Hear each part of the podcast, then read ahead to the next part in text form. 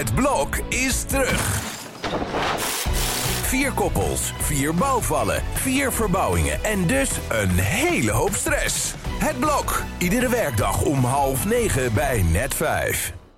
Dit programma wordt mede mogelijk gemaakt door Ehm Krasloten. Goeie vrijdag, goeie vrijdag, goeie vrijdag allemaal. Kruip weer dichter bij je speaker voor deze week de laatste maal. Goeie vrijdag, goeie vrijdag, kom eens hier en luister nou. Heb jij ook een vraag voor Evert? Jordi stelt ze namens jou. Ja, maar het is er geen één. Het zijn er wel honderd die er binnen zijn gekomen. Dan haal ik eerst nog koffie. Echt wel. Maar we doen een selectie hoor vandaag. Want we kunnen natuurlijk niet alles in één aflevering eh, doen. En we moeten de luisteraar ook natuurlijk naar volgende week sturen. Want dan is er weer een persconferentie.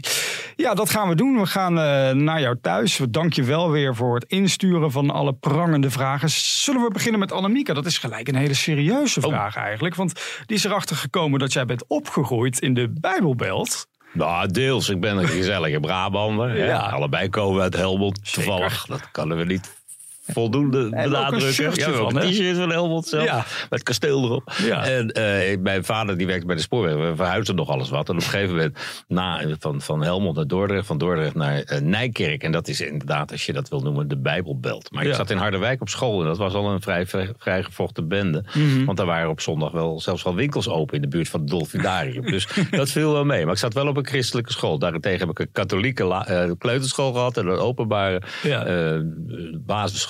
Maar als ze bedoelt van eh, hoe kan je dat nou als christen dat werk doen? Nou, Dit werkt. zou ze dat bedoelen? Ja, dat denk ik, ja. Marieke? Ben je heilig? Nee, Annemieke. Annemieke. Ja. En eh, ja, nee, ik ben niet heilig. en, eh, dat is, maar ik, ik weet niet of mensen op de Bijbelbelt betere mensen zijn dan anderen hoor. Dat is in de oorlog wel gebleken dat er heel veel mensen ondergedoken hebben gezeten. Maar ja, er kwamen net zoveel fouten vandaan als, als ergens anders.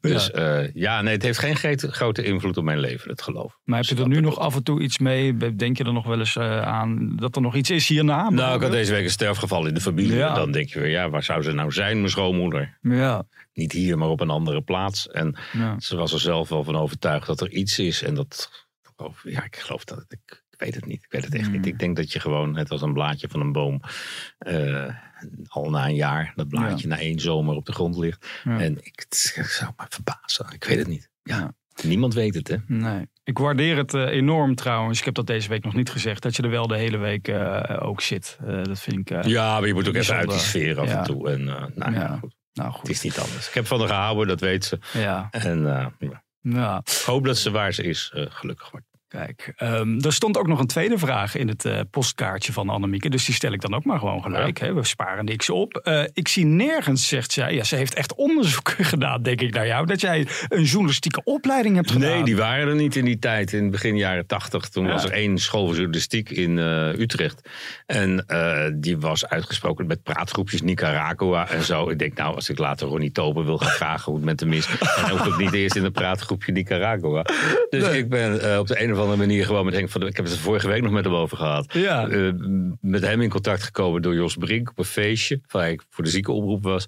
En een dag later werkte ik hier. En ja, dit was wel de ultieme manier om, om het vak te leren. Ja. En ik was razend trots op mijn eerste primeur. Want ik was naar zo'n feestje geweest. En daar was Anita Meijer in hoogst eigen persoon. Nou. En die vertelde dat ze een nieuwe LP ging maken. Want daar hebben we het over. Met filmmuziek. Ja. Nou, die is later ook gekomen. Dus ik opgetogen naar Henk. Nou, die, eh, Anita Die komt met een eh, nieuwe LP. Met filmmuziek. En Henk wist niks anders te zeggen dan... als ze geen LP's meer maakt, dan is het nieuws.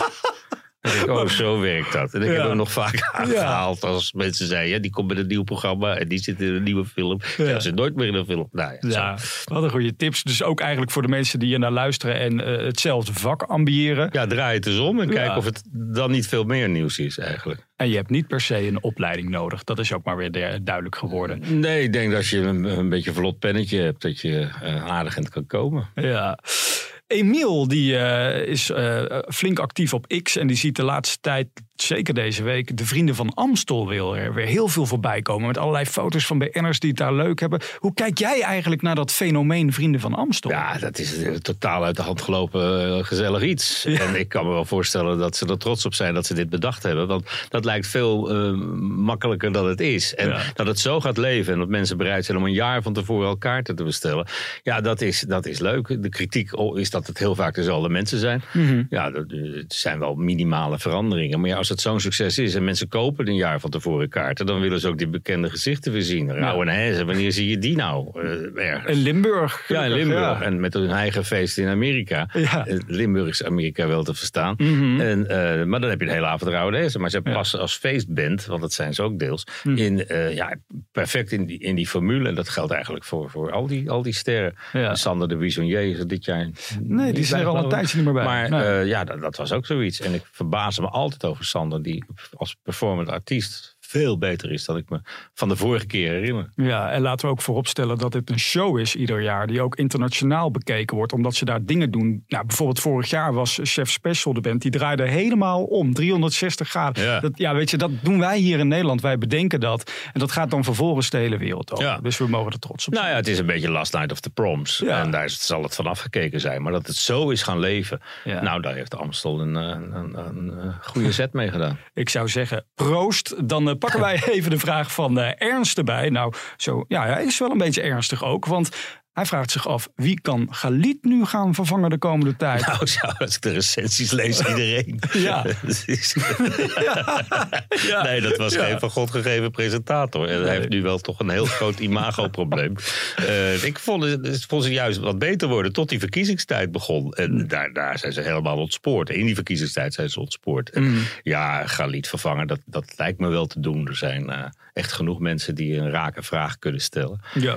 Eh, ik zou niet meteen bij Bo terechtkomen deze week. Maar Niet? het is, nee, maar het is eh, ja, dat, dat komt allemaal wel goed. En eh, wat ze nou op die late avond gaan doen, Ja. ja, we gaan het wel zien. Maar Mm, nou, we moeten dat e- inderdaad even afwachten. Nou, dan sluit de vraag van Cindy er misschien wel op aan. Welk tv-programma mag wat jou betreft zo snel mogelijk van de buis? Oeh. nou, ja, ik ben altijd geneigd om te denken, ik kijk er niet naar. Maar eh, Ja. eh, laat andere mensen er maar wel naar kijken. Maar al die koppelprogramma's, eh, die uitzenden op dat vreemdgaanprogramma en zo. Oh ja, Dat vind ik allemaal niks. Temptation Island Ja, heb je het dan over. Ja, ja. Nou, Niet zo sympathiek. nou, goed. Ehm, daarmee de vraag van Cindy een klein beetje beantwoord. Zullen wij dan nog, eh, nog één vraag erbij pakken voor deze week? Eh, Astrid, die vraagt zich namelijk af of de sterren jou ook daadwerkelijk persoonlijk af en toe een appje sturen als ze een nieuwtje hebben. Ja, dat doen ze wel. En dat Oh ja. is ook niks op tegen natuurlijk. A, omdat het makkelijk is. En B, ja, mensen die wat te verkopen hebben, die weten je altijd wel te vinden. Ik zeg er wel altijd bij, als ze gaan trouwen, dan bellen ze zelf. Als ze gaan scheiden, dan moet ik bellen. Maar sommige mensen hebben daar totaal geen moeite mee om te zeggen van, nou, eh, dat en dat is met me aan de hand. Ja. En dat kan ook een scheiding zijn. Als je gewoon één keer goed je verhaal wil doen, dan eh, is het helemaal niet zo gek dat je me belt. En dat gebeurt eh, regelmatig. En door de jaren heen. Ja. En eigenlijk meer dan vroeger, want nu zetten ze het gewoon op hun eigen Insta en zo. maar ja, ik, ik kan me niet.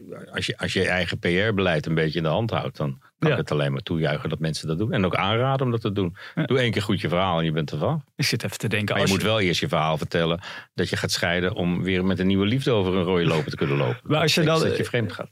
Als jij dan zo, zo ster belt, hè, bel je dan met je echt zonder anoniem, bel je dan Ja. gewoon met je telefoon. En ze nemen dan op af en toe. Eh, ja. Ik, zou, ja, ja, ik weet het niet. Hè. Ik bedoel, ik neem, jou, ik neem jou heel graag op. Maar ja, ik mag ook hopen dat je over mij niks kan vinden op het internet. Oh, ja, dat wordt ook steeds beroemder. nou, door deze podcast. hè, Ja. mensen, ja. Wij zijn, wij zijn er doorheen, mensen. Het eh, was weer een mooie vragenlijst. Dankjewel, Annemieke, Gijs, Ernst. Nou ja, noem het maar op en blijf ze insturen. Want volgende week zijn we er weer met een nieuwe persconferentie op vrijdag. En maandag met een nieuwe podcast. Zo is dat. Tot dan. Mooi weekend. Dit programma werd mede mogelijk gemaakt door Ehm Krasloten.